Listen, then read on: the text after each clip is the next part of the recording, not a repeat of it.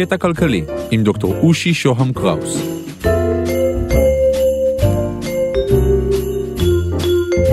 קטע כלכלי, פרק 20, שיחה עם דוקטור עמי וטורי, מזכ"ל משותף בארגון כוח לעובדים. עמי וטורי, תודה שבאת אלינו, שלום. תודה שאתה מארח אותי.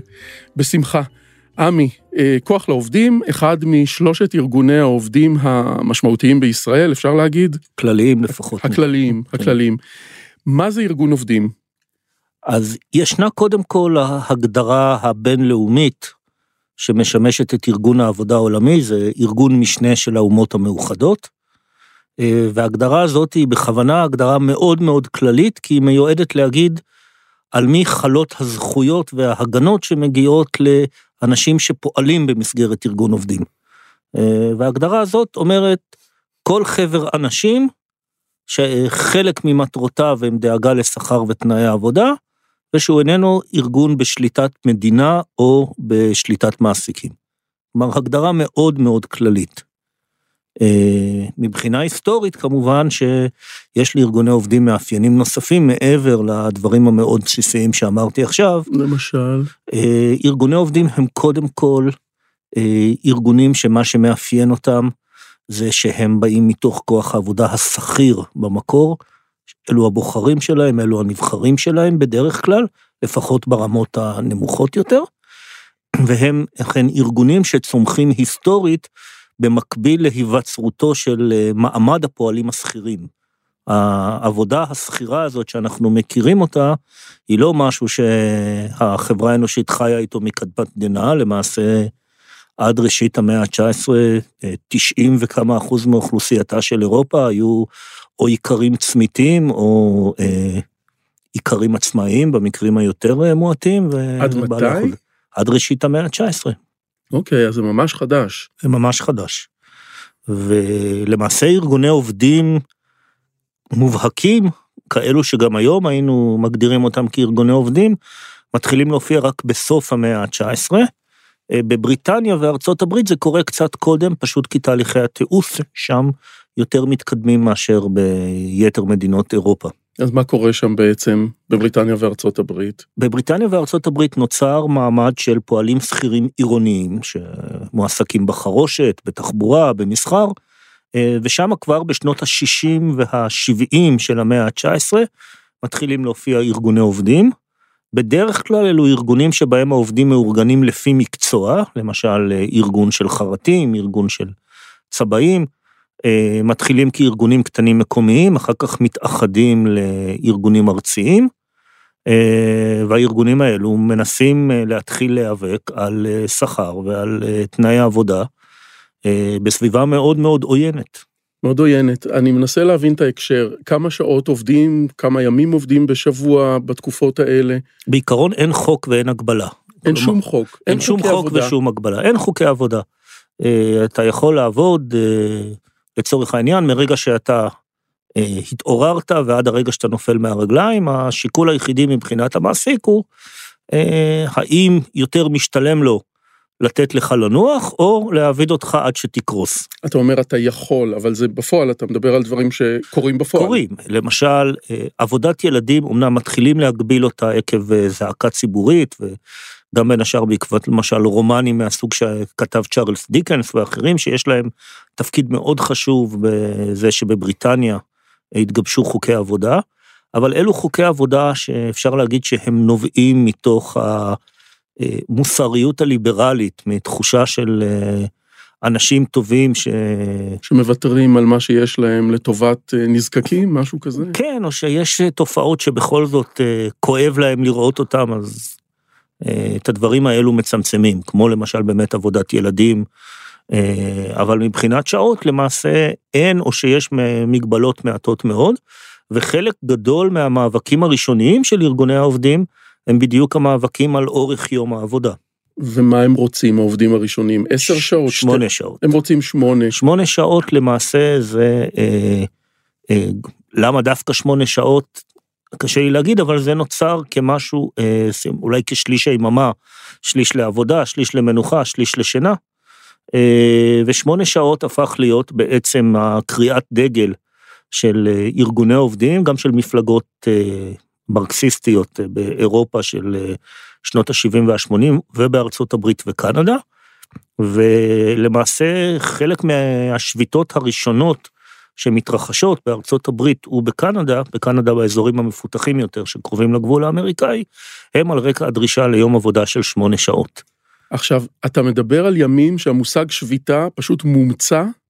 נוצר כאילו יש מאין? המושג שביתה נוצר יש מאין, אין הגדרה בחוק מה זה שביתה. בעיקרון, שביתה ברמה העקרונית, אה, נגיד אם נתאר היום מה זה בעצם אה, שביתה, ואני כרגע לא נכנס דווקא לחוק הישראלי או לחוק אחר, אלא להבנה כללית של מה זה שביתה, שביתה היא סירוב קולקטיבי לעבוד. סירוב קולקטיבי לעבוד, בין אם ניתנת התראה, לא ניתנת התראה, זה, זאת שביתה. זה, זה נשמע כל כך אינטואיטיבי וכל כך אה, מותר במרכאות, אה, אני מבין שזה לא נתפס ככה בהתחלה. כל כמה שזה נשמע אינטואיטיבית מותר, בפועל אה, שביתה, למעט במצבים מאוד מיוחדים, גם היום איננה דבר מותר, אה, היא מוגבלת, כולל בישראל, ובאירופה או ארצות הברית של סוף המאה ה-19 וגם ראשית המאה ה-20, למעשה לא הייתה שום סיטואציה שבה הייתה נחשבת שביתה כדבר שהוא חוקי.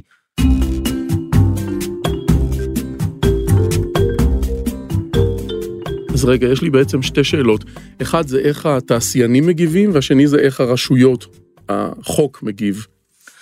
החוק מגיב אה, בדרך כלל בשתי רמות. היותר חמורה אוסרת גם על השביתות וגם על עצם ההתארגנות שיכולה להוליך לשביתות, כלומר הקמת ארגוני עובדים. זאת היא הגישה היותר מחמירה. במאה ה-19, בסוף המאה ה-19. בסוף המאה ה-19. זאת למשל הגישה שקיימת במקומות כמו רוסיה הצארית, או מדינות שהן במהותן אה, דספוטיות, כלומר, עריצות. מדינות עריצות. אה, מדינות שהן, גם לא דמוקרטיות, אף אחת מהן היא לא דמוקרטיה במובן כמו שאנחנו מכירים אותו היום, אבל שהן פחות דספוטיות, כמו בבריטניה או ארצות הברית, בדרך כלל מכירים בזכות ההתאגדות, כלומר בזכות של עובדים להקים אה, ארגונים שיקדמו את האינטרסים שלהם, אבל חלק גדול מהפעולות, במיוחד הפעולה המרכזית מכולן, השביתה, נתפסות כפעולות שהחוק איננו מתיר אותן. וה... אולי סובל אותן, אבל איננו מתיר אותן. ואז מה קורה כששובתים? אז בעצם זה סוג של הימור, כלומר, אם השביתה הצליחה, אז הכל טוב ויפה, ואם השביתה נכשלה, אז אה, אין שום מגבלה חוקית, או כמעט שאין שום מגבלה חוקית על מה מותר לעשות לאותם עובדים שהובילו את השביתה, או נטלו חלק בשביתה. להעיף אותם, לפטר אותם. להעיף או לפטר זה הדבר הקל ביותר. מה אה, עוד? מה שעוד ניתן לתבוע אותם כמובן על הנזקים שהם גרמו.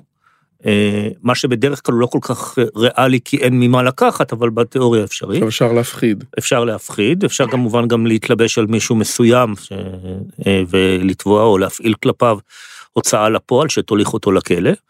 אה, ובמצבים מסוימים אפשר גם את מי שהסית או ארגן לשביתה אה, לכלוא על עצם הפעולה הזאת. ושוב, אתה משתמש בלשון אפשר, אבל זה דברים שנעשו וקרו. זה דברים שנעשו וקרו, יתרה מזאת, בהרבה מאוד שביתות, ואנחנו רואים את זה לאורך סוף המאה ה-19 והשליש הראשון של המאה ה-20, הבעיה העיקרית של השובתים היא עם אלו שאינם רוצים לשבות, שוברי שביתה ב...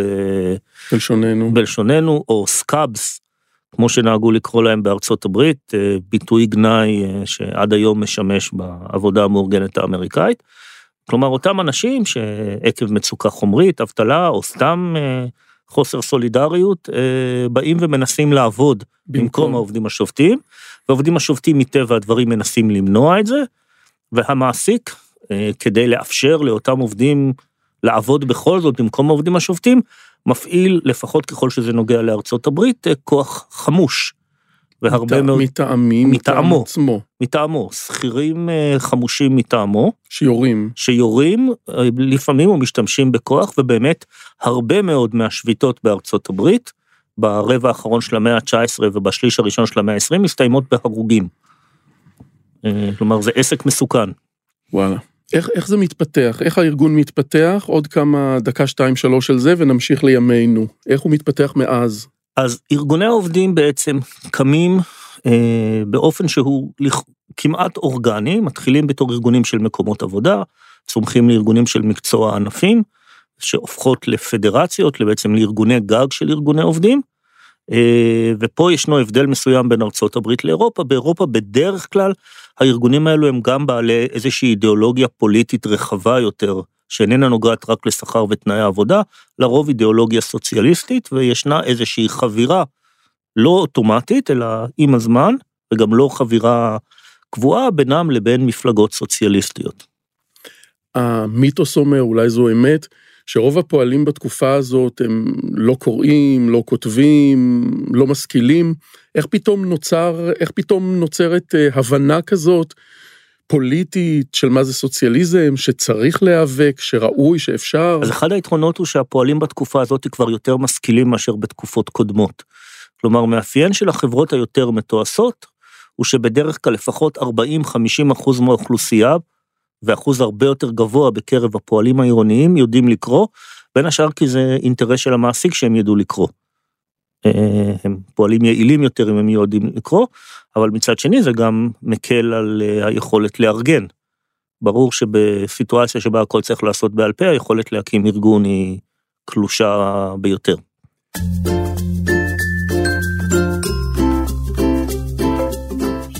עמי, מה צריך לעשות ארגון עובדים? אז מה שבעיקרון אמור לעשות ארגון עובדים, זה באמת קודם כל לדאוג לשכר ולתנאי העבודה של החברים שבו, וגם ברמה כללית יותר לשכר ולתנאי העבודה במקומות העבודה, בענפים, במקצועות שבהם מאגד אותו ארגון.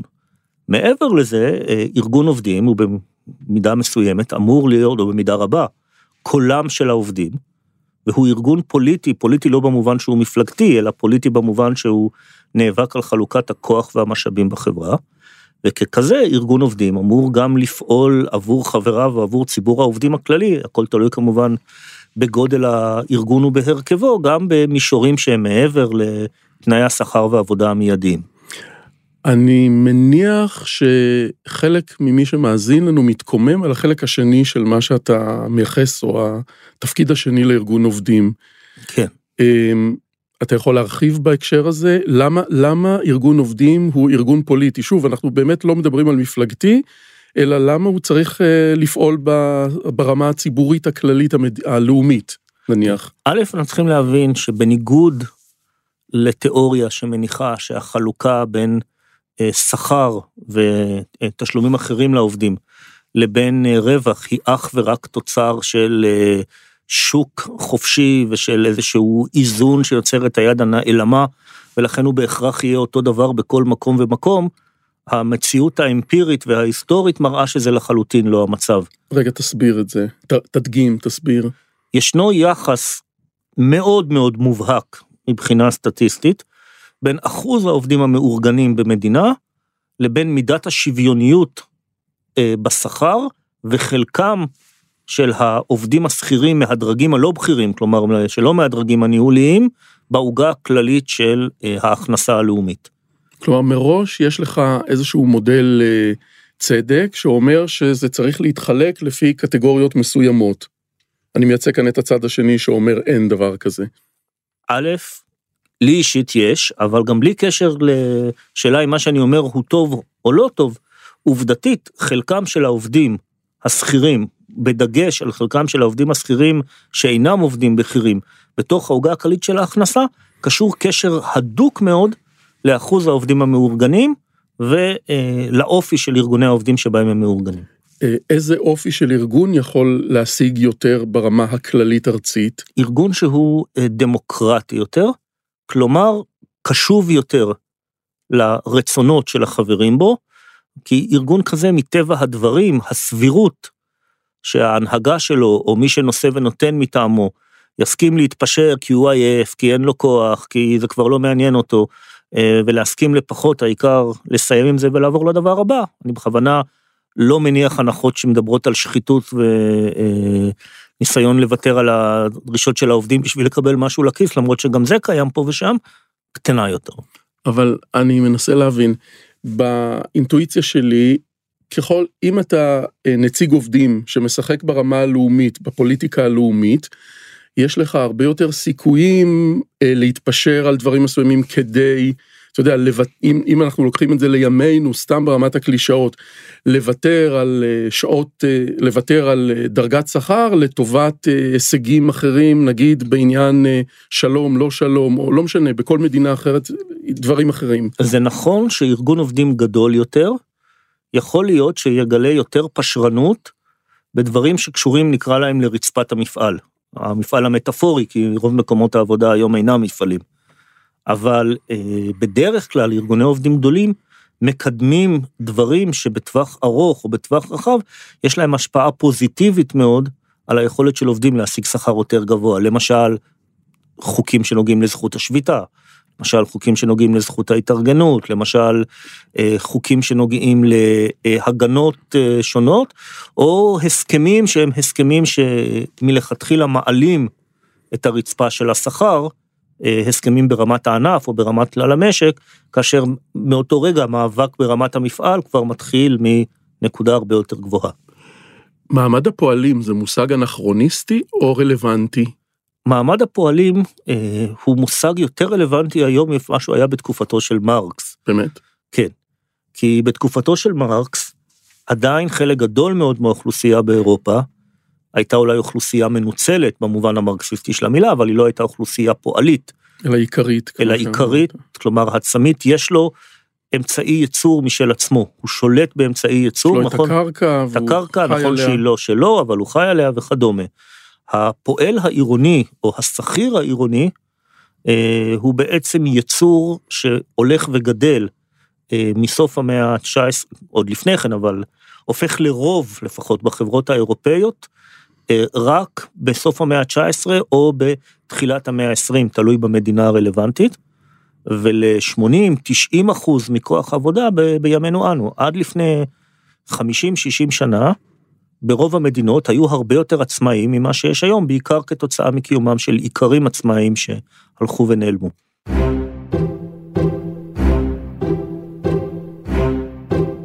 אני מנסה לחשוב, פועל בדמיון, זה פועל במפעל תעשייתי.